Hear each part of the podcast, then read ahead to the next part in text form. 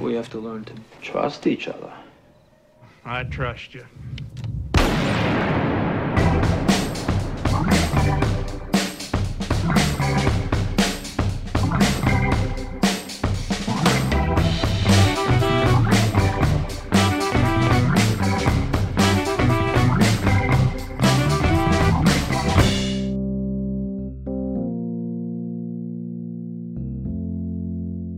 Witajcie kochani w pierwszym w nowym roku pełnym odcinku.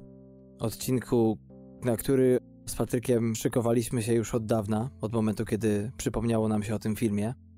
Aż czasami żałuję, że bardziej nie kopiemy w tej twórczości znanych osobistości świata filmu teraz.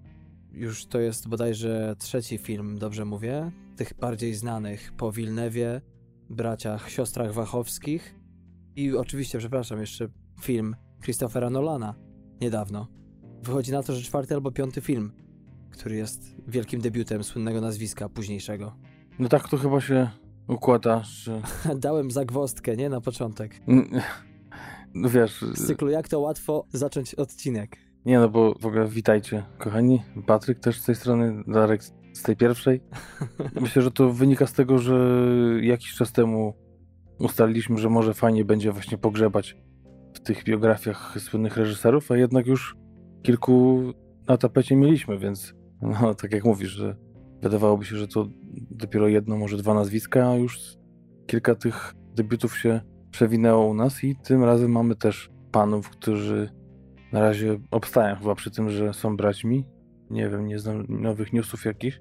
Ponoć jakaś pogłoska jest, że wypierają tego trzeciego Leonarda. Nie przystaje moim zdaniem. Trochę za bardzo klasyczny jest, wiesz? Za bardzo Mhm. kopiuje tego słynnego muzyka.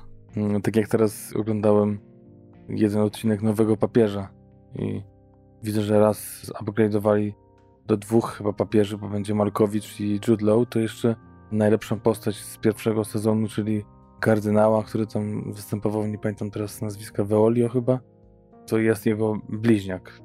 To znaczy on gra tą drugą postać, ale to jest jakby zbieg okoliczności, bo on jest zupełnie z innego kraju, ale Mhm. jakby gra siebie podwójnie, więc No ładnie. czy to nada mu jakąś lepszą jakość. Pierwszy odcinek dość średni, chociaż na końcu duży twist, także zobaczymy, co będzie dalej. Tak jest. Teraz też zebrała mi się lista przez ten styczeń seriali, do których muszę zasiąść. Choćby na przykład Dracula. Tak słyszałem opowieści o pierwszym odcinku, że no jest to bardzo mocny serial. Nie bawią się w ceregiele twórcy. Jest tego, tych flaków i wszystkiego, jak nie na Netflix można powiedzieć. No a to tylko jedna z propozycji. Ostatnio bardziej skupiałem się, tak jak ostatnio mówiliśmy, na nadrabianiu zaległości filmowych, żeby mniej więcej mieć. I to nie tylko tych filmów, które weszły do Polski, były w zeszłym roku, ale ogólnie to już, y, kochani, wiecie, ale to jest takie trochę dziwne odczucie, że Patrykowi i mi udaje się czasami obejrzeć film, no mi częściej, który na świecie wyjdzie jeszcze w danym roku. Czasami też Patrykowi nie możemy zrobić o tym roku naszego podsumowania, tylko musimy zawrzeć się no, w granicach polskiego kina i tytułów, jakie wtedy się ukazały, tylko i wyłącznie na terytorium naszego kraju. No wiesz, musimy, nie musimy. To jest nasz podcast, możemy robić co chcemy, ale No fakt, nikt nam ręki nie wykręca. No właśnie, ale żeby, no, jednak mówimy w tym języku polskim, jakkolwiek nam wychodzi, tak nam wychodzi. A może chcesz zmienić tą zasadę? Możemy po serbsku. Nie no, tak, może po serbsku, ale może rzeczywiście poddać to pod głosowanie i żeby nasi słuchacze się wypowiedzieli, czy woleliby usłyszeć podsumowanie najlepszych filmów roku, tak jak to się kwalifikuje na przykład w roku Oscarowym, czy też jednak, żebyśmy pozostali przy tym, co jest, czyli właśnie tytuły tylko ukazujące się w kinach polskich. Nie, myślę, że tu jest sprawa oczywista. Jednak musimy się licować z tą społecznością polską. A i tak mamy odcinki, czy to przedoskarowe, czy pooskarowe, gdzie o tych filmach możemy pogadać, więc y, to nie ma takiej straty chyba. Tak czy siak zapraszam wszystkich do komentarzy, może mi możecie przekonać Patryka i zrobić bardziej międzynarodowy podcast. Nie żartuję oczywiście. Takie rozważania a propos, co niczemu nie szkodzi tak naprawdę, bo nic nie broni nam oglądania innych tytułów, które się pokazują. Patryku, co ostatnio udało ci się wyrzucić na ruszt? Poza serialami, czy udało ci się skreślić jakiś film, jakąś nominację do Oscara z listy? No właśnie trafiłem na Judy, czyli biografię Judy Garland, Mhm. słynnej piosenkarki, aktorki amerykańskiej, matki Lizy Minnelli. Także no, mam odhaczoną kolejną nominację aktorską. Oczywiście Renée Zellweger za rolę tytułowej Judy ma oczywiście nominację do, za rolę pierwszoplanową w tegorocznych Oscarach i jest tą główną Mhm. faworytką.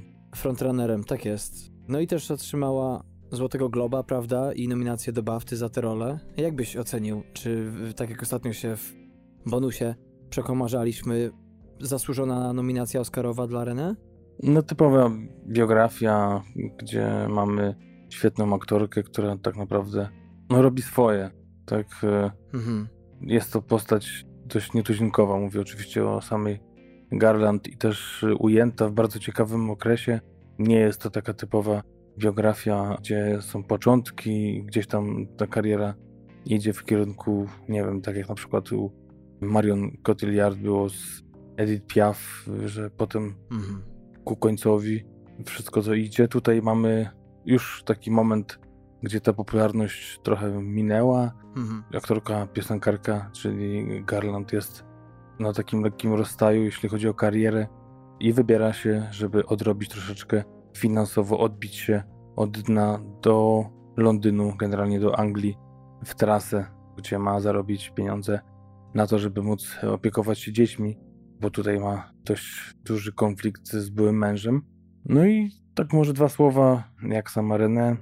Wydaje się jednak, że typowa rola zbudowana pod Oscary i widać, że to wszystko idzie ku temu właśnie, bo i te nagrody, o których mówiłeś, otrzymała nominację, a także chyba z tego co kojarzę nagrody Gildii Aktorów, więc tu chyba nie będzie innego wyjścia. Tak samo chyba jak z Laurą Dern, o której ostatnio rozmawialiśmy, że to będzie pewny Oscar jednak. Mhm. No i coś się kroi na to, że chyba i Brad Pitt, bo otrzymał teraz nagrodę także gildii amerykańskich aktorów. No ciekawe, ciekawe. Tak mi się wydawało ostatnio mówiąc o tych nominacjach, że właśnie czarnym koniem mogła być René, która może odebrać Oscara. Tak mi się wydaje, że tylko Scarlett Johansson. Ale no mówię, jeszcze jest ta Cynthia Erivo za rolę w filmie Harriet. No, wiesz, czarny koń już trochę rozjechany taki. Tak, już rozstaw osi się zmienił. O matko, coraz gorzej idziemy. Także to chyba tyle o samej Judy. Polecam, jak ktoś jeszcze nie widział, no świetnej roli, takiej lekko połamanej losem, życiem i pewnie też swoimi nałogami aktorce, piosenkarce, która miała za sobą pięć małżeństw. Zresztą córka nie jest dużo gorsza. Liza Minnelli już cztery za sobą, druga córka dwa. Także wszystko zostaje w rodzinie, rekordy nadal są śrubowane. tak jest. A ty, Darku, coś łyknąłeś? A ja wrzuciłem w końcu na ruszt film Honey Boy, który wszedł także i do Polski. Po polsku ten tytuł brzmi Słodziak. Bardzo adekwatnie. Film ukazał się u nas 6 grudnia, w Stanach Zjednoczonych w listopadzie jeszcze. No i w końcu, w końcu mogłem zderzyć się z tym pytaniem, które zadawałem sobie od jakiegoś już czasu. Jak to jest, że film, który wyszedł, o ile dobrze pamiętam, około czasu, kiedy wyszedł film na noże, Pamiętam, przekopując Rotten Tomatoes, jak wysokie oceny były obu tych filmów i wszyscy mówili mi to samo, którzy byli na obu, że jest to świetne kino, warte tych ocen. No i potem jak pojawiły się nominacje do Oscara, to praktycznie Słodziak przepadł, no praktycznie przepadł z Kretesem, bo nie otrzymał żadnej, ale to dosłownie żadnej. Jak to się stało, że tak dobry film, chyba jeden z lepszych, jakie widziałem z zeszłego roku, kompletnie przepadł i to w kilku kategoriach, bo mamy tutaj Almę Harel, która zajęła się reżyserią i to pani, która nie ma na swoim koncie wielu produkcji. Do tego Shia LaBeouf, który jakkolwiek jest postacią kontrowersyjną, tak aktorem jest świetnym. W końcu ten facet nie tylko stworzył bardzo głębokie dzieło, świetnie rozegrał to, świetnie zagrał, to jeszcze wydaje mi się, że w końcu ja zrozumiałem tą złożoność tej jego postaci, bo jest to człowiek bardzo kontrowersyjny. Przypomnę, że jest to film, który opowiada o burzliwym dzieciństwie aktora Otisa Lorta oraz o jego młodzieńczych latach, kiedy to nad nim pieczę sprawuje ojciec, który dowozi go na plan i z powrotem do domu, który trudno nazwać domem, bo jest to po prostu pokój w motelu, w dość, można powiedzieć, klimatycznej scenerii. I mamy tutaj w tej roli młodziaka świetnego, świetnego aktora, naprawdę wielki talent, Noe Jupego. Ten chłopak jest znany z Cichego Miejsca przede wszystkim, ale także z filmu Cudowny Chłopak. Nawet i pojawił się w Le Mans 66, grając syna głównego bohatera. Natomiast nastoletnią, młodzieńczą wersję Otisa, czyli de facto właśnie Shia LaBeouf'a, bo to jest autobiograficzna, można powiedzieć, powieść, gra Lucas Hedges. I tak jak ci powiedziałem przed wejściem na antenę, jestem pod wielkim wrażeniem rozwoju tego chłopaka, bo widziałem go i w teatrze, i w kilku już filmach. I tak jak czasami wydawało mi się, że został zaszufladkowany lekko w tym czy tamtym filmie, w Lady Bird zagrało właśnie taką troszeczkę bardziej delikatniejszą postać i to był taki okres tej gry. Zagrał też w bardzo religijnym filmie ostatnio z Russellem Crowe. To nie było za ambitne, a tutaj powraca no i Shia LaBeouf, który po prostu jest wzruszający, perfekcyjny. Rola Oscarowa jak nic za rolę ojca, bo aż się na, niego po prostu patrzy z wybałuszonymi gałami, jakby nie poznajesz, że jest to Shia LaBeouf. No właśnie, warto też przypomnieć Manchester by the Sea, tam Tak, tak, Hedges tak. wpłynął przecież najszerzej. Nominacja Oscarowa. Jeszcze filmu nie widziałem, też mam nadzieję to nadrobić, bo też tak zachęcasz, zachęcasz i też mówiłeś o tych ocenach wcześniej znajomych. Trochę miałem go tak na lekkiej liście rezerwowych z racji tego, że no, trzeba nadrabiać jeszcze te nominacje Oscarowe przed Wielką Nocą, która już za dwa tygodnie, Mhm. więc nie wiem, czy jeszcze tutaj zdążę obejrzeć, ale no ale jak już tak opowiadasz i tak zachęcasz, to na pewno ostatecznie po niego sięgnę. Chociaż Lebefa może nie tyle, że nie lubię, co jakby mam do niego taki chłodny stosunek do, do niego, do jego gry. Hmm. W tym filmie jest tyle niesamowitych momentów, które są niejako komentarzem czy ukazaniem tego, jak wyglądała relacja Shai z jego ojcem i jak to wpłynęło na niego, a z drugiej strony to, co film robi genialnie, to to, że potrafi ukazać drugą stronę. To jest przede wszystkim zasługa Shai i to, że postać ojca, która miała bardzo silny, bardzo formatywny, ale też i negatywny wpływ na swojego syna i były momenty, kiedy po prostu wzruszałem się patrząc na dramat i tego człowieka. No, 14 na 15 minimum daje temu filmowi. Jeden z najlepszych, e, moim zdaniem, w zeszłym roku. No, no to widzisz, coś tam się dzieje z tą akademią, bo to samo z twoim ulubionym Lighthouse'em też średnio, bo tylko chyba nominacja za zdjęcia, więc nie wiem, czy to ty masz taki rok, czy te filmy takie są. No, ja nie mam roku konia w tym roku, niestety, tak już poruszając ten temat. No i nie wiem, to chyba tyle, jeśli chodzi o takie housekeepingowe podsumowanie ostatnich dni. Zresztą nie było tego dużo, bo Hmm. od ostatniego nagrania nie minęło więcej niż kilka dni, więc ciężko byłoby, żebyśmy mieli za dużo do powiedzenia. Wam sobie. Do powiedzenia to mamy dużo, tylko niekoniecznie na temat. No Właśnie. Jak takie głupie anegdoty, czy jakieś przytaczanie dziwnych programów. Może tylko powiem, trzymamy kciuki za naszych jutro. Na wielkiej krokwi. Tak. Dzisiejszy drużynowy wypadł tak, jak wszyscy pragmatyczni ludzie się prawdopodobnie obawiali. Niestety, można powiedzieć, nie wiem, czy to będzie spoiler, czy nie. Chociaż to nie jest film, który mamy dzisiaj na rozkładzie, czy serial, ale można powiedzieć, że nasza drużyna wypadła tak jak Dean Charles Chapman w Grze o Tron. tak jest. E, no, co zrobić? W zimę za wiele jednak nie ma tych rozrywek, chyba że możliwości krajobrazowe na to pozwalają. My natomiast, zanim przejdziemy do głównego tematu dzisiejszego odcinka, czyli do filmu braci Coenów, ich głośnego debiutu, to jeszcze tylko na chwilę zatrzymamy się przy premierach, bo w zeszły piątek przy okazji filmu właśnie 1917 naprawdę weszło sporo tytułów, bo i Jojo Rabbit, film nominowany do Oscara w kilku kategoriach i Bad Boys for Life, czyli Patryku, film, na który ty się wybierasz za jutro już, dokładnie, po nagraniu odcinka. No i wszedł też Richard Jewell Clint'a Eastwooda, więc był to dość taki, no, całkiem spory ból głowy. No i 1917 oczywiście, to już w ogóle komplikuje sytuację z wyborem filmu.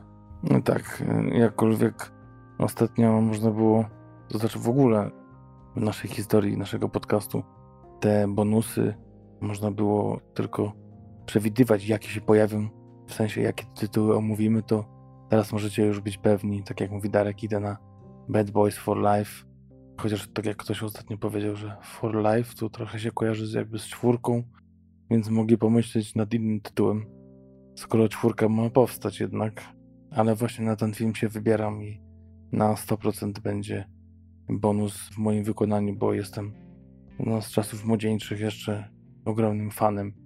Ja i moja, powiedzmy, taka paka z podstawówki i ze szkoły średniej e, byliśmy praktycznie wyznawcami tych dwóch pierwszych części. Tak, wyście oglądali ten film, można powiedzieć, co miesiąc, nie? w dużym skrócie. Zdarzało się, zdarzało i to przy okazji jakichś na przykład kawalerskich w ostatnich latach wieczorów też właśnie. Oprócz oczywiście piłkarskiego pokera, to i Bad Boysi wlecieli. No to ładnie. No, jeśli chodzi o ten tydzień, to oprócz ciekawych, można powiedzieć, propozycji, na przykład dramat rosyjski Kwas, z dość takim na czasie tematem o młodych ludziach, którzy mają wszystko, wszystko im się układa i problemem ich jest to, że nie mają problemów i ich życie się kompletnie zmienia w obliczu dramatu ich kolegi. Trailer do tego filmu wygląda ciekawie, chociaż ten dziwny pogłos, nie wiem czy to jest tylko po prostu w trailerze, czy tak mi się wydaje, nie ułatwia sprawy. No i oprócz tego mamy też, można powiedzieć, Głębie Strachu, czyli Underwater, film Williama Ibanka w roli głównej z Kirsten Stewart i Vincentem Casselem, ale niestety ten film nie zbiera za bardzo pochlebnych recenzji na Rotten Tomatoes. Wydaje się, że jest tylko w zasadzie jeden faworyt w tym tygodniu, jeśli chodzi o taki sure bet. Ale jeszcze warto też wspomnieć dla właśnie takich starszych słuchaczy, którzy pamiętają czasy bajek o Jasiu i Małgosi, to też trafia w tym weekend do kin właśnie remake, można powiedzieć, w zupełnie w innym stylu zrobiona ta bajka przerobiona na ostry horror, thriller, fantazy. Właśnie Małgosia i Jaś, żeby było na odwrót, żeby tak się nie kojarzyło dosłownie z tą bajeczką, którą kiedyś opowiadali rodzice. I właśnie to wchodzi ten tytuł tego samego dnia praktycznie u nas w Polsce i u was, Darku, w Stanach. Tak jest. U nas w Polsce i u nas w Stanach w roli głównej z Sofią Lillis, która ostatnio zagrała i w filmie o Nancy Drew i w It, obu filmach, także też jest młoda aktorka, która jest na fali wznoszącej a propos najmłodsze talenty Stanów Zjednoczonych, a takim filmem, który ty Patryku widziałeś już, którego ja jeszcze nie miałem okazji, jest film Grety Gerwig.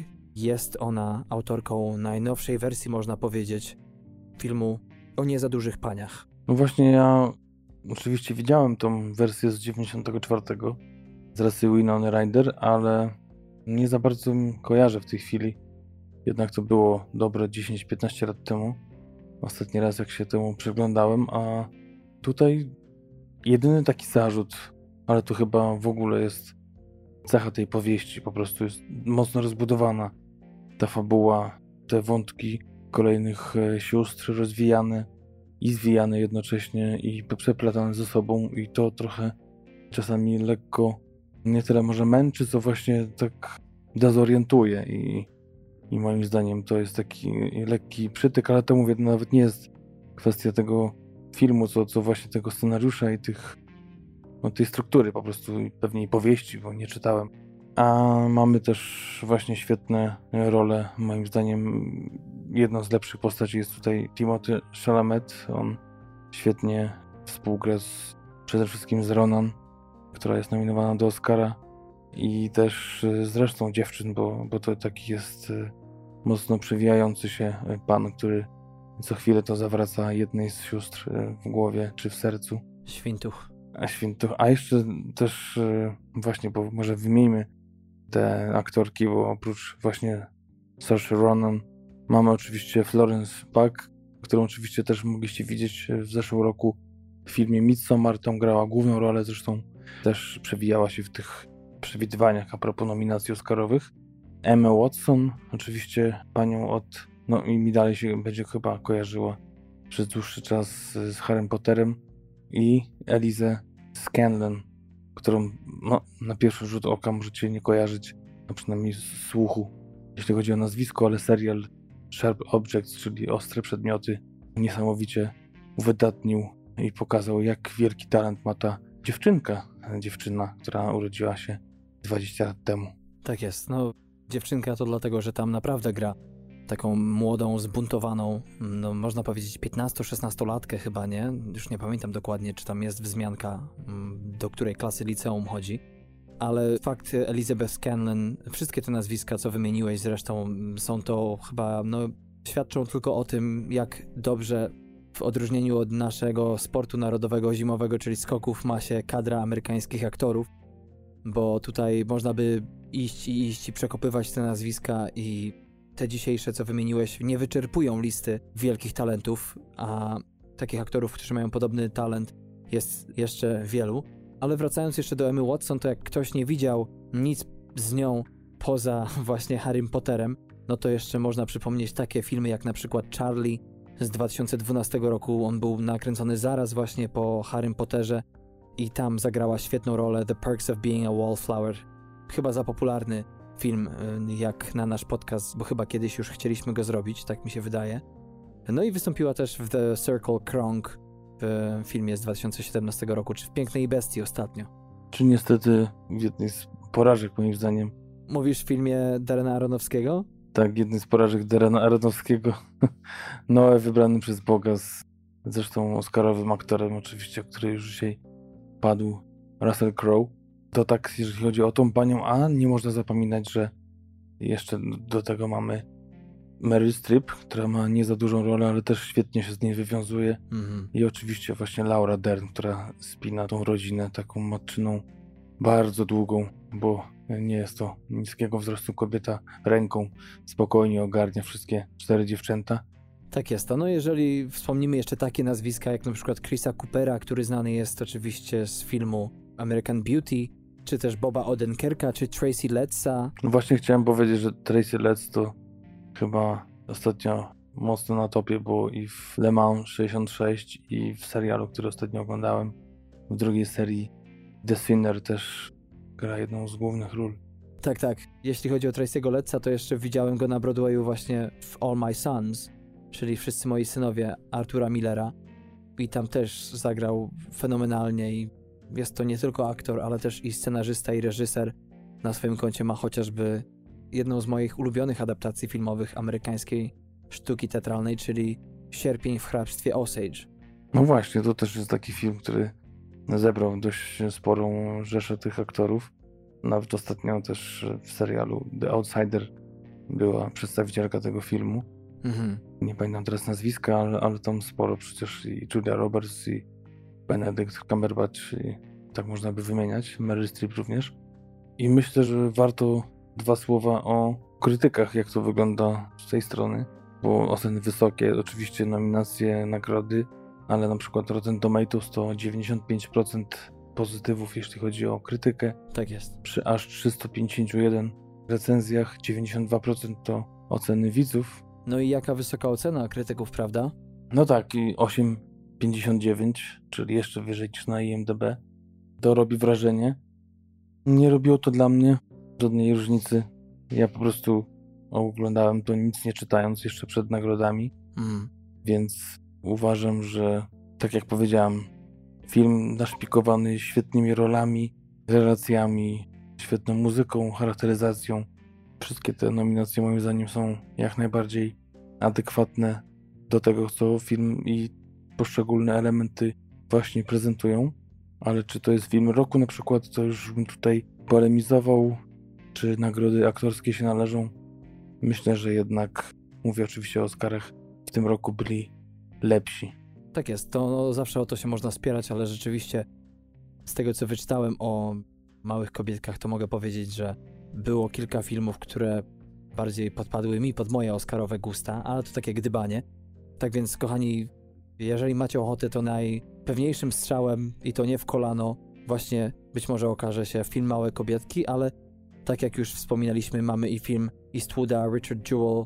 Ostatnio na Twitterze pojawiło się przeklejenie pewnej recenzji u nas na naszym koncie. tak jak napisałem tam, ta recenzja najbardziej podsumowuje, najlepiej zawiera to, co ja bym o tym filmie powiedział czy napisał, więc tam zapraszamy. No i tak jak Patryk powiedział, Bad Boys for Life oraz ostatnio film przez nas opowiadany 1917 Jojo Rabbit. I to tyle, jeśli chodzi o premiery kinowe. Natomiast teraz przechodzimy do filmu braci Coenów Blood Simple, czyli po polsku śmiertelnie proste z roku 1984. Chyba Darku, tutaj oddam tobie pole do popisu, że to tłumaczenie nie jest chyba zbyt trafiające w punkt w tym wypadku, jeśli chodzi o znaczenie w ogóle powiedzenia Blood Simple. No zastanawiam się, to może wyjdzie, wiesz co, w trakcie odcinka, w trakcie naszej rozmowy o tym filmie, bo rzeczywiście śmiertelnie proste. Wydaje mi się, że tutaj wchodzimy na minę trochę, bo z jednej strony rozumiem o co ci chodzi, przynajmniej tak mi się wydaje, ten sentyment twój, ale z drugiej strony, no nie chcę wybiegać przez szereg, zanim coś powiemy w ogóle o tym filmie. Ma to też pewien sens, ten polski tytuł. Przetrawię sobie to w głowie i może jeszcze się zakręcimy wokół tego tematu. Myślę, że jednak, mm, no teraz nie powiem, jaki tytuł podał za inną alternatywę, ale jednak może Simply Blood. może Simply Blood. I po polsku wtedy robimy z tego po prostu krew i Adamczyka do tego. tak jest. Przy całym szacunku oczywiście dla pana Piotra. No, oczywiście, to tylko problem z agentem. On wybiera mu takie tragiczne role. Także wracając do dużo mniej tragicznych wyborów braci Coenów, Joela i Etana oraz aktorów, których mieli do dyspozycji oraz ekipy, to trzeba po prostu przyznać na samym początku, że to był śmiertelnie dobry wybór i śmiertelnie dobry film, który po prostu warto zobaczyć. Jak to jedna z recenzji na Rotten Tomatoes mówi, że jest to w erze tej nowożytnej jeden z najlepszych debiutów, porównując go nawet do Wściekłych Psów Tarantino. Tak, rzeczywiście, tym bardziej, że bracia Coenowie, czy jak się o nich inaczej mówi, reżyser o dwóch głowach, to goście, którzy film mają, mieli we krwi od dawna, bo już w latach 60. oni mają odpowiednio Joel i Ethan 65 i 62 lata, to w latach 60. już stwierdzili, że będą robili filmy i z tego też tytułu wynajęli się do koszenia trawników sąsiadom swoim. No i dzięki tym pieniądzom zaoszczędzonym zakupili sobie, dokładnie Joel zakupił kamerę, która nazywała się Super 8 Vision. No i już wtedy powstał ich pierwszy film, kiedy mieli po tam kilka lat. Advise and Consent, czyli rada i pozwolenie w wolnym tłumaczeniu. No ale potem jednak młodszy, jak to sam w jednym wywiadzie mówi, nie wie dlaczego, ale poszedł na socjologię i zostawił, no przynajmniej oficjalnie, zawód filmowca. Tak, tak, tak. Co innego było z Joelem, który poszedł jednak na uniwersytet w Nowym Jorku i tam uczył się sztuki filmowej, po czym jak widać dość szybko wrócili razem.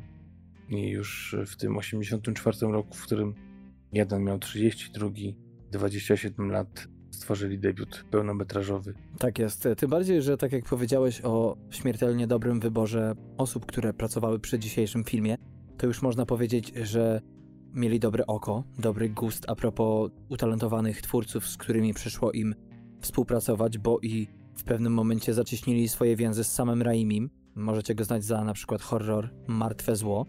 No i tam współpracowali z nim przy filmie Crime Wave, i tak to się zaczęło. I ten 1984 rok to tak naprawdę trzy lata przed filmem, który zdaniem wielu na dobre otworzył im wrota do sławy. Pamiętasz, jaki to był film, Patryku? Mówisz o Arizonie Junior? Tak jest. No właśnie, to tak na przekór temu, co Joel powiedział w wywiadzie zaraz po premierze filmu Śmiertelnie Proste, kiedy zapytany przez dziennikarza, jak to teraz będzie, bo krytycy wychwalają, mhm. spinają się na następny film. Jakie wy macie podejście do kolejnego swojego projektu? Na co powiedział Joel z rozbrajającym uśmiechem, że w ogóle się nie nastawiają, bo mają pewność, że to będzie masakra. Także czasami warto sobie powiesić tą przeczkę nisko, żeby jednak osiągnąć dalej wysoki poziom. Tak.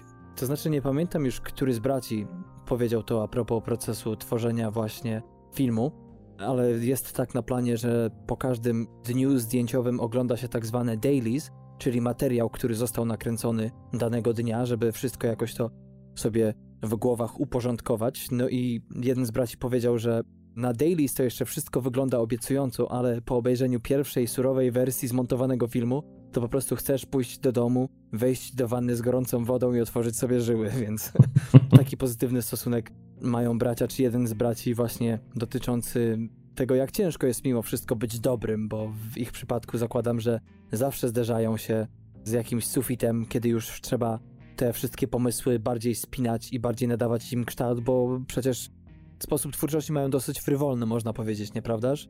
Tego pisania scenariusza początkowego zarysu. Ja nawet upatrywałbym w tej wypowiedzi właśnie tych cech głównych ich filmów, czyli ironii, autoironii, Mhm. przekąsu, czarnego humoru i oczywiście doprawionego tego wszystkiego odrobiną krwi właśnie. Także tak chyba to wygląda w większości, oczywiście nie w każdym filmie, ale to są takie wyznaczniki tego, że mamy do czynienia z filmami właśnie braci Coen.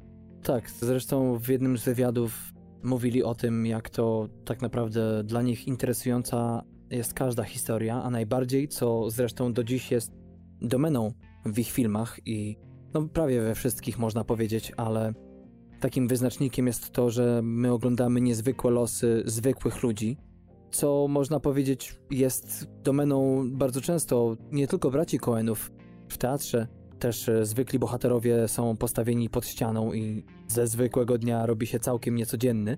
Tak e, bracia Coenowie potrafią na to jeszcze nałożyć swoją optykę, swoją wrażliwość, która przede wszystkim chyba wyciska to, co najbardziej ciekawe ze zwykłego człowieka.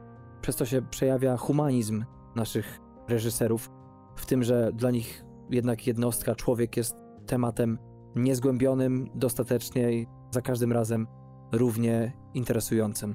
Ale wiesz, z drugiej strony właśnie zapytany przez dziennikarkę Eton właśnie dlaczego nie mogą kręcić zwykłych historii prostych na takim życiu codziennym, to mówi, że no ale to jest nudne. To jest nudne, a my chcemy dawać jednak rozrywkę, dawać e, ciekawe historie. I to są ci sami ludzie, ale właśnie przez jakiś najczęściej mały błąd, potknięcie trafiają w wir jakichś niesamowitych historii. I dopiero to jest coś, co no, ludzie chcą oglądać. I patrząc po ich karierze, po tym jakie uznanie i ile pieniążków te filmy ich zarabiają, można powiedzieć, że chyba no, idą w dobrą stronę i mają rację w tym, co mówią.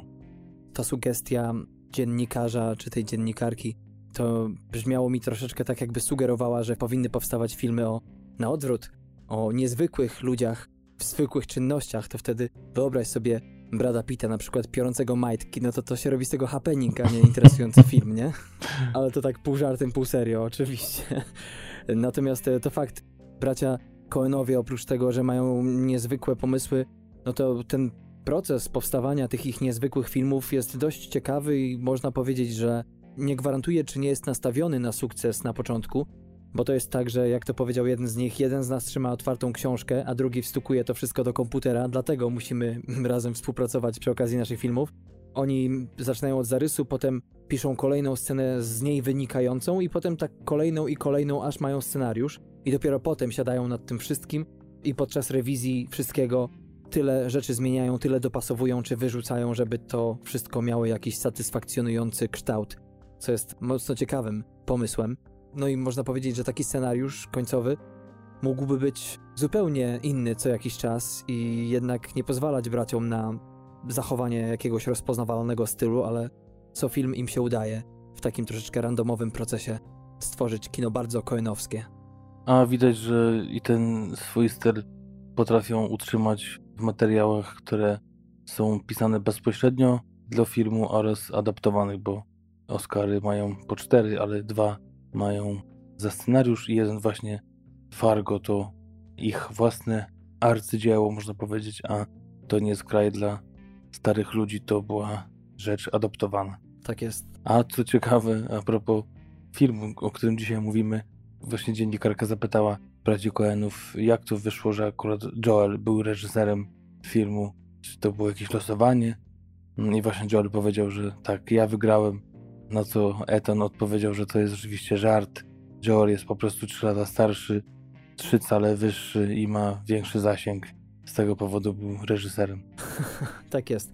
Wspomniałeś o nagrodach, to trzeba powiedzieć, że mają do tej pory 15 nominacji do Oscara.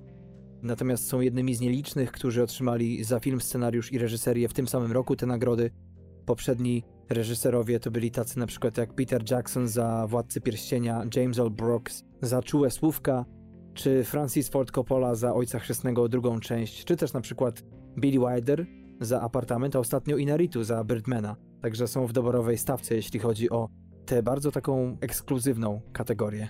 No, też początki opowiada w takim dość rozbudowanym wywiadzie Francis McDormand, bo też trzeba powiedzieć o tym, że już przy tym filmie Się przysała. się przyssała i się przyssał też, bo, bo tak to musiało wyglądać. Zresztą powiedziała, mm, może skończę zdanie, że e, McDormand debiutowała w filmie UKN-ów, który oczywiście jest debiutem ich reżyserskim, jeśli chodzi o pełny metraż i jeszcze w tym samym roku, w którym film miał premierę, właśnie wyszła za Joela i jak to powiedziała, nie poleca tego układu, bo dużo spięć, dużo problemów i naprawdę te początki nie były najlepsze, ale po 32 latach, jak to mówiła w dniu wywiadu, Skóra grubsza. jednak się udało. ale ogólnie nie poleca takich właśnie tandemów aktorsko-reżyserskich, które ze sobą tyle lat pracują. Zresztą sama, co śmieszne jest, mówi, że w ogóle środowisko filmowe nawet nie myślało o tym, że aż do Fargo, że oni są w ogóle parą. Nikt nie kojarzył, myśleli, że po prostu ona jest częścią firmy, a potem się okazało, że już od 12 lat jest e, żoną właśnie jednego z nich. No i można powiedzieć, że to zrządzenie losu, nie? Bo jakie to szczęście, że ukochana kobieta jest również wielkim talentem i tej wszystkie popisy w filmach Coenów to są jedne z jej najlepszych ról. No tak, a kończąc wątek, też ciekawa historia a propos obsadzenia Frances McDormand w tej głównej roli, bo tak naprawdę jej sublokatorka ją poleciła, że ona niby ma być lepsza do tej roli, a to wcale tak nie było. To nie sublokatorka, bo w wywiadzie sama mówiła o tym Frances. Ona mieszkała z jakimś kolegą w jednym mieszkaniu, a po drugiej stronie ulicy mieszkała jego przyjaciółka, która właśnie mieszkała z Holly Hunter, która to, wiem, że to już jest zamieszane, właśnie z tym kolegą, współlokatorem Francis, razem startowali do castingu właśnie na różne role w filmie Blood Simple. I na koniec już nikt nie wiedział, kto gdzie startował, po co i do jakiej roli. Tak, ale I kto w ogóle z kim mieszka. no właśnie. Ale puenta jest taka, że Holly Hunter strasznie się spodobała właśnie Joelowi Cohenowi i ona miała być wybrana, ale wtedy przytrafił jej się kontrakt życia, jak to było na tamte czasy oczywiście, czyli półroczna umowa na Broadwayu Mhm. i powiedziała, no to teraz na mnie sobie poczekacie. A oni, a właśnie, że nie. A właśnie, że tak. A właśnie, że nie. Także się oblizała ze smakiem taką rolą pewnie z perspektywy czasu i zaczęto ponownie castingi i wtedy właśnie Frances trafiła jako frontrunnerka na właśnie pozycję Abby, ale też nie było tak, że od razu ją miała dostać tą rolę, chociaż spodobała się już na początku i przy pierwszym spotkaniu bracia powiedzieli, no to podoba nam się pani i zapraszamy na godzinę 14. Na co Francis powiedziała, nie, nie, nie, bo ja o 14 mam ważne spotkanie, muszę być u swojego ukochanego, który gra w operze mydlanej i obiecałam mu, że będę go wspierać. Aha, to o, o której pani może być? Koło 16. No to proszę przyjść. Powiedziała, że, że właśnie kupiła ich tym, że właśnie tak bardzo nie parła na to, żeby dostać tą rolę z takim bardziej większym luzem i, i sama powiedziała, że od tego czasu taką taktykę do każdej swojej roli, u Coenów oczywiście już nie musiała, ale do każdej innej właśnie taką taktykę obierała, żeby nie za bardzo pokazywać, że jej bardzo zależy. No tak, bo jak się wiesz, rozbujają panowie, nie, no to będzie siwy dym. A tak to wiesz, raz, że odstawiła świetną robotę w filmie, dwa, ciekawe jak to potem wszystko poszło nagle, że zostawiła ukochanego w operze mydlanej i związała się z Joelem.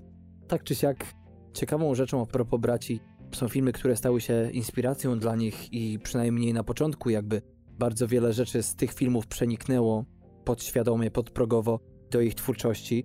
Jak powiedzieli w jednym z wywiadów, głównie inspirowali się komediami z lat 50., tak zwane screwball comedies i chyba najlepszym przykładem tego gatunku jest opis akcji filmu pod tytułem Boeing Boeing z 65 roku, który jest jednym właśnie z tych filmów, które oni bardzo sobie cenią.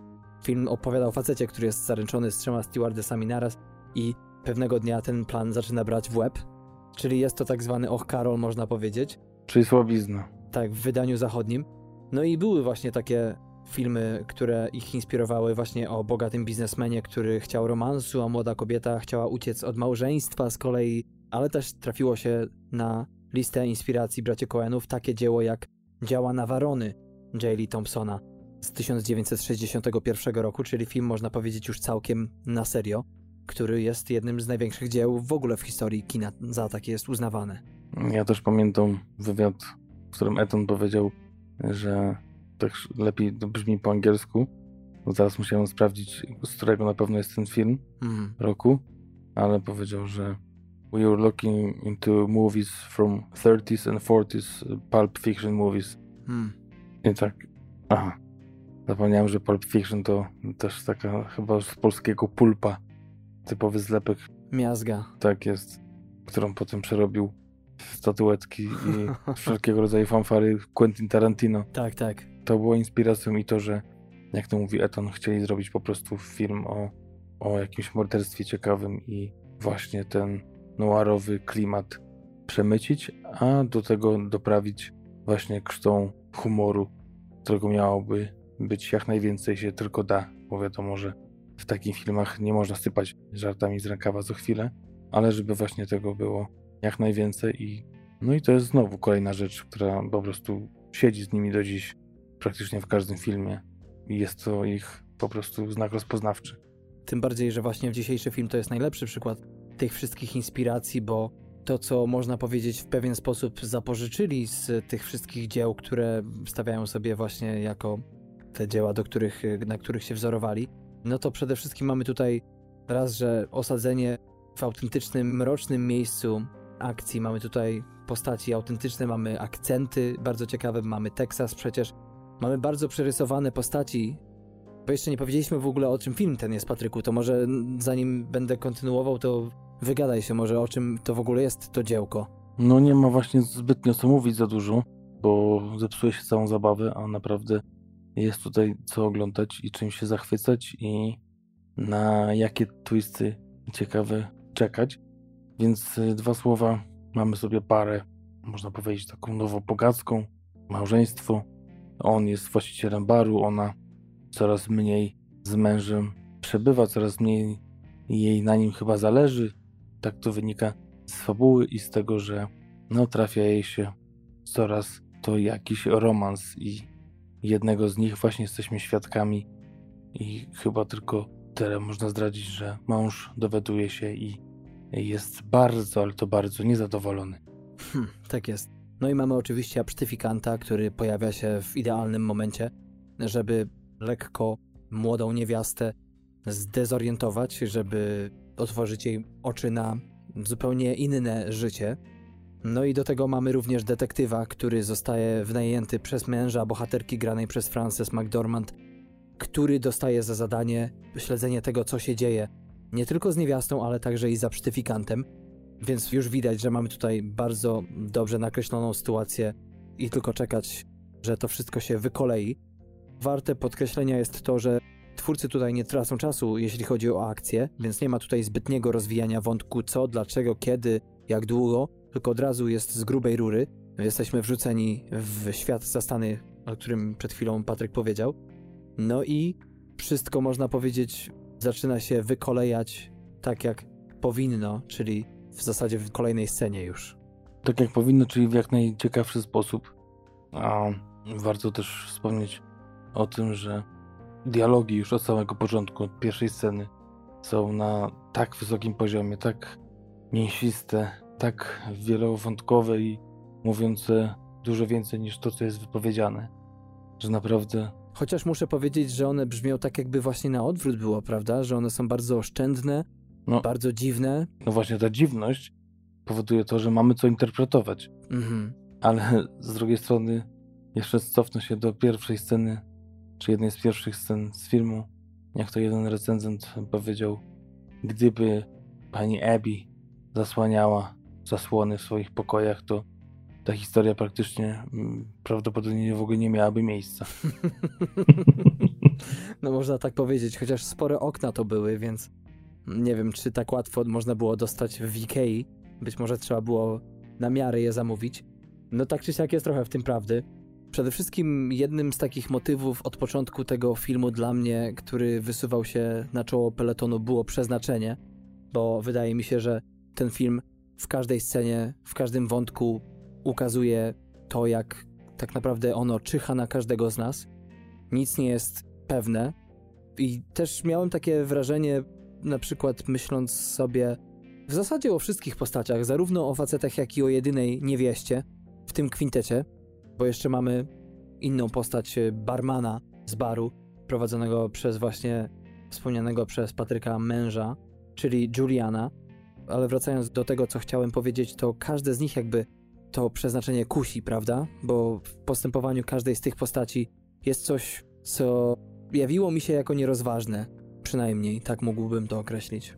No tak, to jest jeden z takich nadwornych przykładów, można powiedzieć, ten przykład z zasłonami i potem też kolejne rzeczy, które się wydarzają i przytrafiają właśnie, tak jak mówisz, tak naprawdę każdej z tych głównych postaci, bo jest tutaj, tak jak sam powiedziałeś, czwórka głównych aktorów plus piąty, można powiedzieć, dochodzący i, i to jest cała historia zamknięta w godzinie 35 minutach bodajże, która się, tak jak mówisz, nie rozwadnia.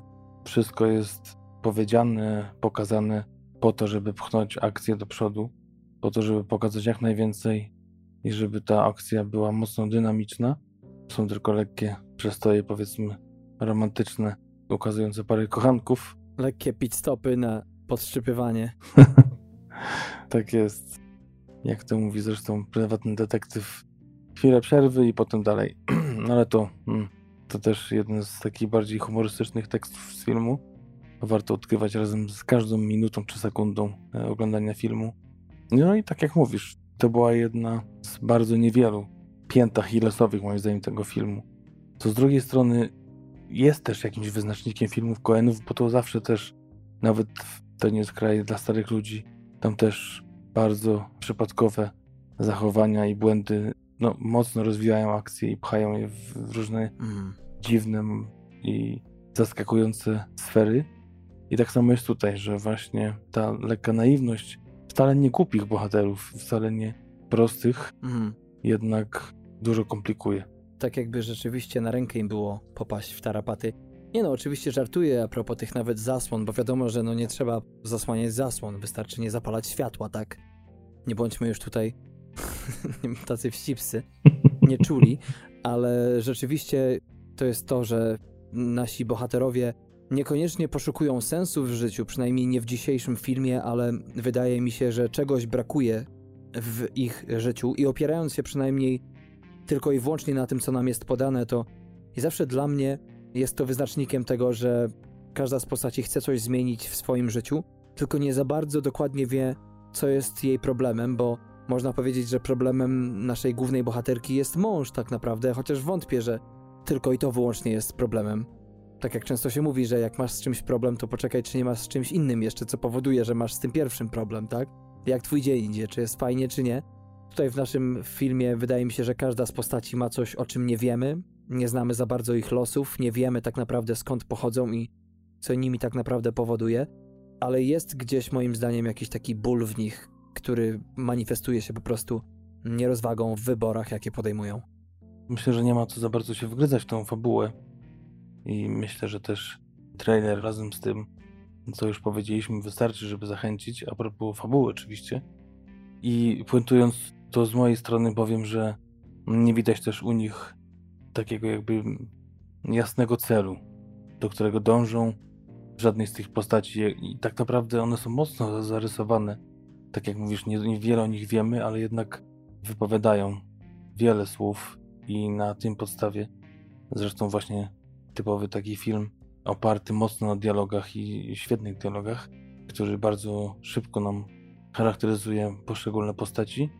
że jednak y, wiemy o nich z tego, co mówią. Przede wszystkim mówię o charakterze. Sporo, ale właśnie nie widać tego celu. I może jak się nie ma celu, to też te błędy wynikają w bardziej prawdopodobny sposób. No na pewno, to znaczy wiesz, wiele razy słyszałem takie powiedzenie, jak nie wiesz gdzie idziesz, to się kręcisz w kółko. I tak też jest z naszymi bohaterami. A wspomniałem to właśnie o tych niewiadomych, z tego względu, że właśnie to wpływa pozytywnie na głębie postaci. Bo tak jak powiedziałeś, nic o nich nie wiemy, a sporo. To już się nawet w każdym geście czy w nieumiejętności komunikacji wyraża u nich.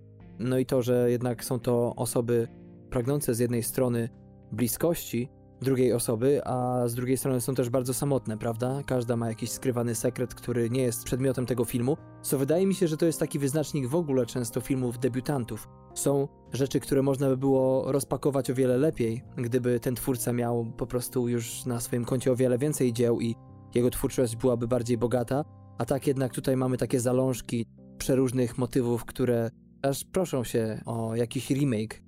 Chociaż już remake tego filmu był, prawda? Nie tak dawno. Chiński. Tak, tak. To racja, że, że remake był.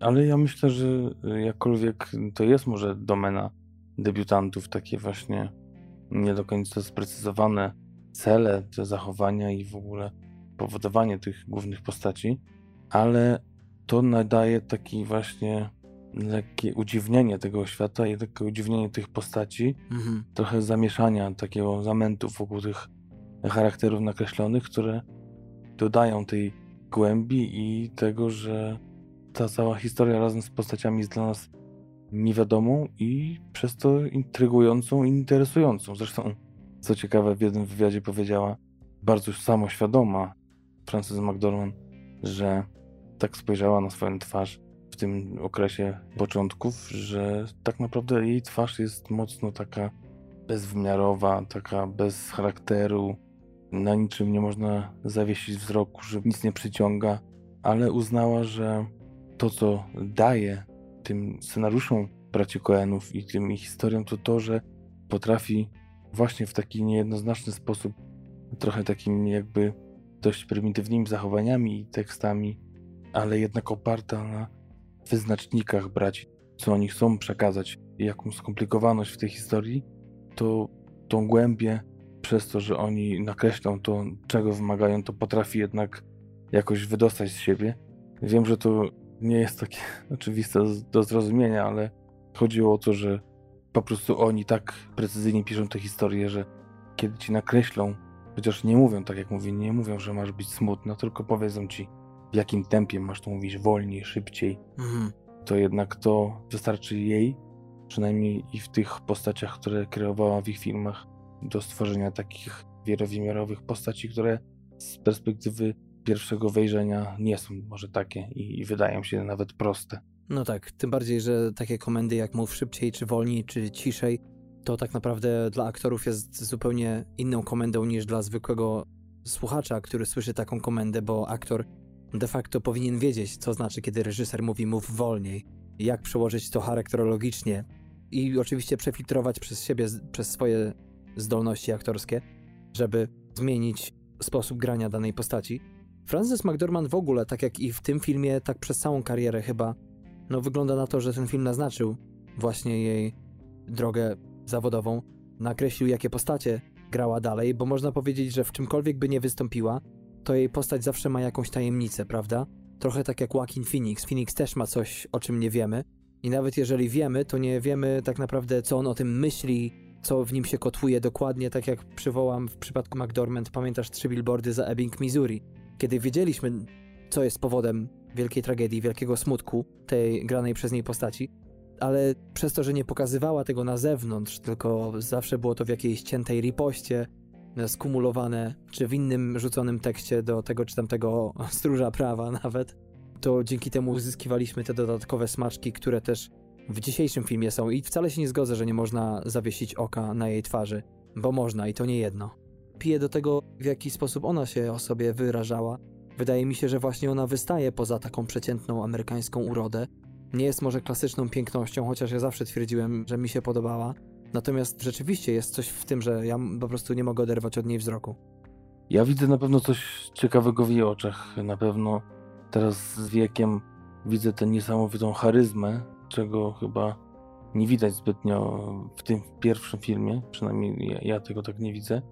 Nie odbieram, chociaż tą głębię rozumiem, o której ona mówiła. I też się nie zgadzam, że nie można zawiesić oka.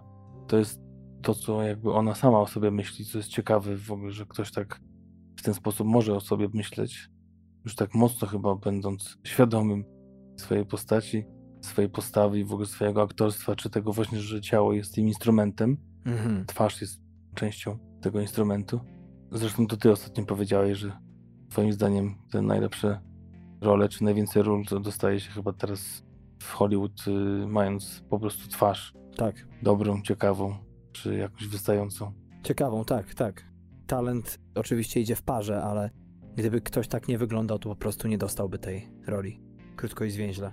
Myślę, że warto przytoczyć, jak w jednym z wywiadów Czarek Pazura mówił, że na swoim roku mieli takie aktorki właśnie, które no, on to trochę prostym językiem o tym mówił, ale myślę, że tylko w ten sposób można ten sens wyłapać, że była taka dziewczyna, która no wcale nie ciekawa była, ale jak wychodziła na scenę, to, to po prostu taki ten talent bił od niej, że każdy tak sobie w tyle myślał, ale bym bzyknął. Ale jak ty powiedział, to wcale nie o to chodziło. Nie chodziło o to bzyknięcie, tylko właśnie to, że potem. No, no, tak, oczywiście, rozumiem. No, ja tylko mówię, co on tłumaczył, że, a potem wychodziła taka właśnie. No rozumiem, rozumiem. To można powiedzieć to samo, wiesz, na roku teatralnym musi być rudy, gruby, chudy, tak? I piękny. No i oczywiście dzisiaj się podnosi larum, bo te słowa są często właśnie brane jako obraźliwe, że ktoś o kimś powie właśnie gruby czy chudy. Ale taki jest sens mówienia na przykład, że musimy troszeczkę, wiesz, osobę postawną wziąć na rok. To jest to samo i tak samo wydaje mi się, że w przypadku Czarka, no po prostu dana aktorka tyle wzbudziła rządzy w jednym czy drugim kawalerze i być może w kawalerce jakiejś też, nie wiadomo kto był na roku, że po prostu ciężko było się opanować wewnętrznie. Bo pewnie zewnętrznie to wiadomo, no, no, fajnie gra. No. no. A potem wychodziła jakaś taka właśnie kobieta, która, no, jak to się ostatnio kłóciłem z żoną o aktorkę bodajże Alison Eve, że to taka uroda oczywista. Nie, a z kolei cytując y, Rosa z, z przyjaciół, no tak, bo ta oczywista jest oczywiście najgorsza. E, że właśnie wychodziła taka dziewczyna z tą, powiedzmy, urodą oczywistą i po pięciu minutach każdy tylko myślał, żeby jak najszybciej zeszła z tej sceny, bo tak wiało nudą, że po prostu wszystkim się odechciawało Mhm. oglądać, więc mówię o tej właśnie kontrze, że, że coś takiego pewnie jest y, Francis, a tym bardziej teraz moim zdaniem jeszcze bardziej nabiera charakteru i tej atrakcyjności właśnie takiej scenicznej czy filmowej. Chociaż to też ciekawe, że sama Francis mówiła, że właśnie do tego filmu chcieli aktorów z dużym doświadczeniem scenicznym niż filmowym i takich prosili, żeby do castingu wybierano. A trafili się im tacy, jacy się trafili, czyli John Getz, oczywiście grający rolę wspomnianego absztyfikanta, znany jest z takich filmów jak Zodiak z 2007 roku. Oprócz tego mamy Dana Hedaye w roli Juliana, czyli męża postaci granej przez Frances McDormand. No i mamy też jednego z takich bardziej charakterystycznych aktorów w Hollywood, czyli Emmeta Walsha. Tutaj gra on, gra on wspomnianego detektywa. Pan dwa lata wcześniej widziany był w Łowcy Androidów, a ja go pamiętam z takiego filmu, który też marzył mi się do podcastu, czyli Kalwaria z 2014 roku, pana McDonough. Tak, tam jednym problemem było to, że, że mamy gliniarza chyba i to, że mielibyśmy mieć dwa tego samego reżysera, to chyba nas powstrzymuje, przynajmniej na ten moment. Tak jest. A a propos właśnie Emmeta Walsha, to akurat jego rola była pisana pod niego. Także Coenowi wybrali sobie właśnie tego aktora po tym, jak zobaczyli go w filmie Zwolnienie warunkowe, w którym partnerował Dustinowi Hoffmanowi Mhm. i właśnie jemu wysłali scenariusz, jemu to pokazali i zaproponowali rolę, co z perspektywy długich, długich lat 81-latek wspomina bardzo, bardzo uroczo. Nie wiem, czy się dokopałeś do wywiadu z panem Walshem.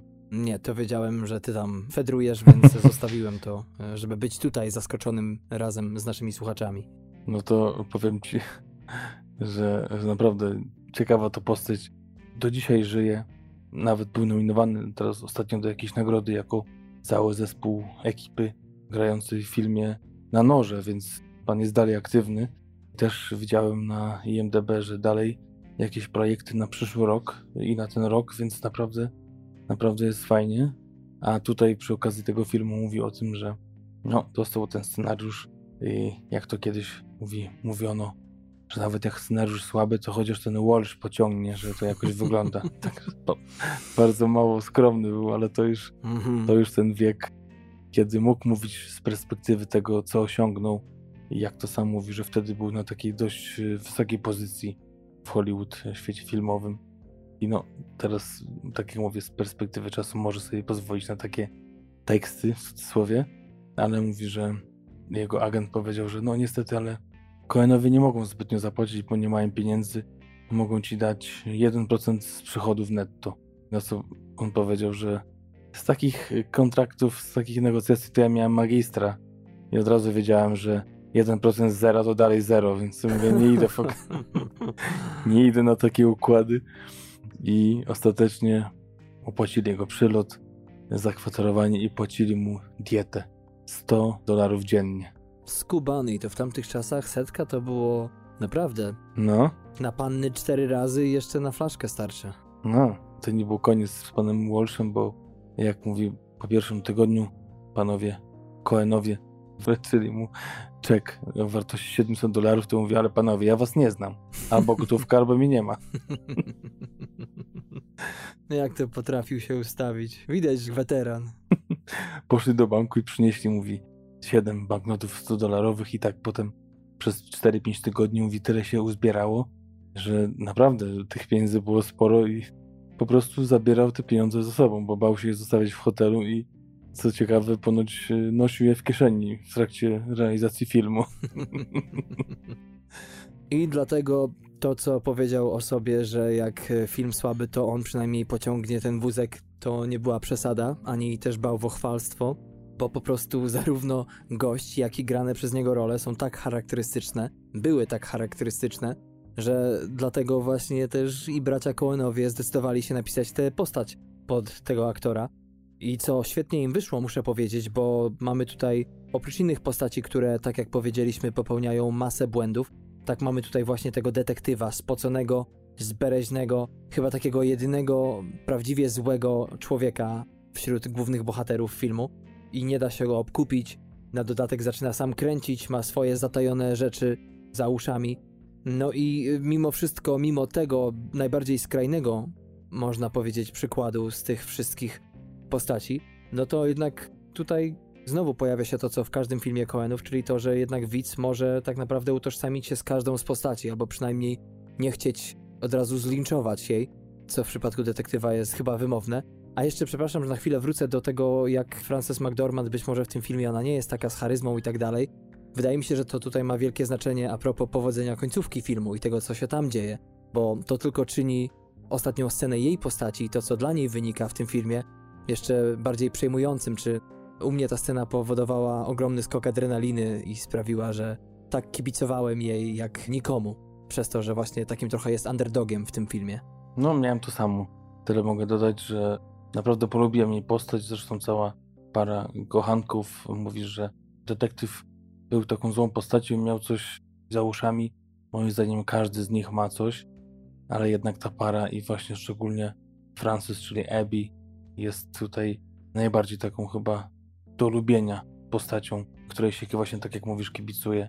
Ale co ciekawe, wydawałoby się, że Walsh grał rolę taką poboczną, która tylko gdzieś tam była zaczynem do różnych zmian w tej historii, ale w 1986 roku, tak jak e, reżyser Cohen dostał, zresztą razem ze Scorsese, nagrodę za najlepszy scenariusz na festiwalu Independent Spirit Awards, tak Emmett Walsh dostał nagrodę w kategorii najlepsza rola pierwszoplanowa właśnie za ten film. Tak jest, ta postać jego w tym filmie chyba przypomina nam zarówno osadzenie akcji, gdzie się znajdujemy, jak i sentencję wynikającą praktycznie z początku filmu, kiedy to pojawia się stanie, że jesteś w Teksasie, tutaj jesteś sam, jesteśmy w miejscu, gdzie tak naprawdę zbrodnie popełnione w imię miłości przybierają mocno niekonwencjonalne, można powiedzieć mocno przerysowane proporcje i ten Emmett Walsh co chwilę tym swoim amplua przypomina nam, oprócz innych rzeczy, jak bardzo można jednak pocisnąć dalej tę obleśność, tę czerń, tę obskurność Teksasu. I to tutaj świetnie im wychodzi. No, oprócz tego, że sporo tutaj w tym filmie mamy horroru, bo przecież mamy sporo takich sennych, można powiedzieć, motywów. Mamy puste budynki mieszkalne o wysokich sufitach, mamy jakieś tam bary na uboczu skąpane w mroku, drogi przez nikąd, spalarkę śmieci na tyłach budynku i tak dalej. To mamy też sporo tutaj humoru, prawda? Dla mnie to taka trochę czarna komedia się gdzieś tam wyłania z tego całego Teksasu, z tej całej historii. No też mi się wydawało, że lekko przesadziła dziennikarka zadająca pytanie. Może nie tyle pytanie, co po prostu takie stwierdzenie, że zrobili pastisz kina noir, na co bracia może nie tyle, że się wstrząsnęli i zmieszali, ale powiedzieli, że nie, że to po prostu miała być taka historia noir, ale może nie tyle hołd temu gatunkowi, ale doprawiony po prostu szczyptą humoru. Tam, gdzie się tego dało dodać, to tam chcieli, żeby było. I no to jest właśnie to, że to się okazało ich stylem do dzisiaj i tak jak Marzyn powiedział, że jak jest film mroczny, to jest dużo humoru, a jak jest komedia, to jest też sporo mroku. Tak to jest u Coenów. No i rzeczą, z którą zwłaszcza wiele filmów debiutów ma problem, to to, że zazwyczaj w tych filmach siada w pewnym momencie energia. Tutaj tak nie jest. Moim zdaniem przez cały film napięcie jest utrzymane na prawidłowym, jakikolwiek by on nie był, poziomie. I ten czas przed ekranem naprawdę przeleciał mi bardzo szybko. I bardzo cieszę się osobiście, że te pierwsze filmy znanych twórców filmowych są tak różne od, chociaż tak podobne do następnych i że są one prostsze, bo to tylko widać, że nie z przypadku takie postaci dokonują potem tego, czego dokonują. Oni jakby skazują się na sukces już pierwszym dziełem i umiejętnością, z jaką potrafią spiąć swoją produkcję, tak żeby przynajmniej, jeżeli historia jakaś, czy jakiś wątek jest niedoskonały, czy niepełny, to sposobem poprowadzenia akcji i narracji nadrabiają jakieś tam mankamenty. Wiesz, z jednej strony McDormand mówi o tym, że gdy dokładnie przeczytasz scenariusz Coenów, naprawdę się na nim skupisz, to już jest za tobą 75% roboty. A mamy tutaj drugą stronę medalu, czyli to, że po przeczytaniu scenariusza żadna, ale dosłownie żadna duża wytwórnia filmowa nie chciała się zająć tym filmem, dopiero niezależna wytwórnia wyprodukowała i pomogła Coenom właśnie w tym, żeby film ostatecznie ujrzał światło dzienne. Zresztą sami Coenowie stworzyli taki dwuminutowy zwiastun jeszcze przed powstaniem filmu, który miałby promować ten film, aby zebrano fundusze i w ten sposób jeżdżąc od drzwi do drzwi prywatnych inwestorów zebrano połowę z kwoty 1,5 miliona dolarów, bo tyle ostatecznie wyniósł budżet i wtedy ruszono z produkcją, a w trakcie jeszcze to właśnie drugie 50% dołożono. I tak jak mówię, wyszło 1,5 miliona, co chyba przekuło się ostatecznie na e, lekko ponad 3 miliony dochodu, więc e, też całkiem niezły wynik. Bo pewnie e, porównując do dzisiejszych czasów, to promocja była zerowa. Więc na promocję nie wydano 20 milionów kolejnych. No tak, no i to tylko pokazuje, że jednak, żeby dzieło mogło powstać, to trochę tych pieniędzy jednak trzeba, bo Dziś półtora miliona dolarów to nie jest całkiem taka mała kwota, chociaż jak na wielkie produkcje oczywiście tutaj nie ma co porównywać do nich. Natomiast w 1983 roku, kiedy film został nakręcony, to jednak było sporo. Inflacja była zupełnie inna i gdyby to było 10 milionów dolarów na dzisiejsze, no to bym się nie zdziwił, gdyby taki przelicznik był, bo rzeczywiście dzisiaj tak za 10 milionów można stworzyć podobny film, patrząc na walory techniczne nawet jak w przypadku braci Coenów. No ale wiesz, to też oni to zrobili w bardzo profesjonalny sposób. To nie była gdzieś kamera, wiesz, z ręki, jak na przykład u Nolana, gdzieś wypożyczane z klubu filmowego sprzęty, tylko jednak normalnie wszystko działające jak w prawdziwej produkcji, czyli montaż dźwięku, muzyka, tak wynajęto, którego może to był debiut, jeżeli chodzi o muzykę, ale jednak no ten motyw przewodni przecież jest genialny. No, on tak mi chodzi w głowie, a to był pierwszy jego film. Potem, tak jak ci mówiłem przed nagraniem, widziałem taką rozmowę dwóch panów, montażysty i właśnie dźwiękowca, kompozytora, których nazwiska nic mi nie mówiły, a ostatecznie okazało się, że kompozytora filmu widziałem 34, a montażysty ponad 50, także zrobili prawie wszystkie filmy, jakie widziałem w życiu. Oczywiście żartuję, ale trochę wstyd, że tych panów nie znałem, ale to jest, wskazuje na to, że też wzięli fachowców takich, którzy już się sprawdzili na samym początku i to wszystko naprawdę wyglądało tak jak w prawdziwym profesjonalnym filmie. Zresztą nawet McDormand mówiła, że no były normalnie takie osoby, które zajmowały się, nie pamiętam teraz nazwy po angielsku, bo to wywiad był po angielsku, ale osoby, które stawały za aktorkę w miejscu, kiedy ustawiono światło. Tylko taką standing person. I nawet takie osoby były i w ogóle sam pomysł tego, żeby cały praktycznie film był w nocy kręcony. Bo nawet wspomniany wcześniej Emmett Walsh pukał się w głowę, że jeszcze bardziej sobie utrudnić tak, tak. chcecie, a naprawdę świetnie jest e, nakręcony. Te zdjęcia są bardzo widoczne. Naświetlenie jest tak naturalne jak się da i jednocześnie tak przejrzyste, że naprawdę, jak tak sobie pomyślę z perspektywy właśnie czasu oglądania tego filmu, że to było wszystko w nocy, to aż dziw bierze, że, że to wszystko było widoczne, tak jak właśnie powiedział aktor. Nie ułatwiło na pewno im pracy, a tak sobie założyli i to spełnili i świetnie na tym wyszli. No jeszcze do tego dodajmy ich słynnego kompana, montażystę wszystkich ich filmów, Frederica Jamesa, który to tak naprawdę człowiek nie istnieje. To pseudonim obu braci, którzy używają właśnie a propos montażu filmu. Oni sami montują, odpowiadają za kształt swojego obrazu na każdym etapie, od pierwszego montażu do już końcowego. No i cóż, jeśli chodzi o inne produkcje, na przykład e, braci, to może nie będziemy wymieniali tutaj wszystkich filmów, bo to temat na inny odcinek. Chyba moim takim najbardziej ulubionym jest do dzisiaj To nie jest kraj dla starych ludzi. Chyba ten film najbardziej mi zrobił ze wszystkich i jest chyba jednym z najlepszych, jakie w życiu widziałem.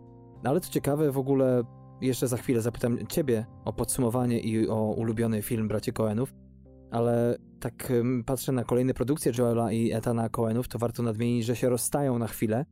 Nie do końca, bo oczywiście nadal produkują serial Fargo, jego czwarty sezon przewidziany jest na ten rok, ale Joel po raz pierwszy stanie solo, stanie za kamerą, można powiedzieć, jako reżyser, bo napisał scenariusz, zaadaptował sztukę teatralną Williama Shakespeare'a i wyreżyseruje Macbeta z Denzelem czy z Frances McDormand w rolach głównych.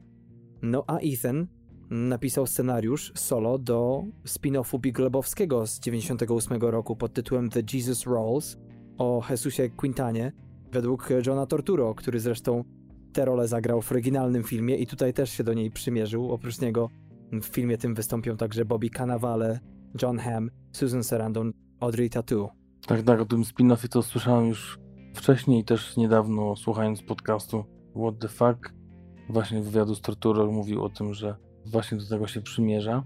Także to ciekawe, bo, bo powiem Ci szczerze, nie wiedziałem o tym, że oni sami montują. To, to taka ciekawostka, którą gdzieś tam nie wyczytałem i będę miał chyba kaca moralnego z tego powodu, że takiej ważnej rzeczy nie wyczytałem. A co do mojego ulubionego filmu, to niestety, ale nie będę tu oryginalny chyba i to jest ten sam film co ty, czyli to nie jest kraj dla starych ludzi.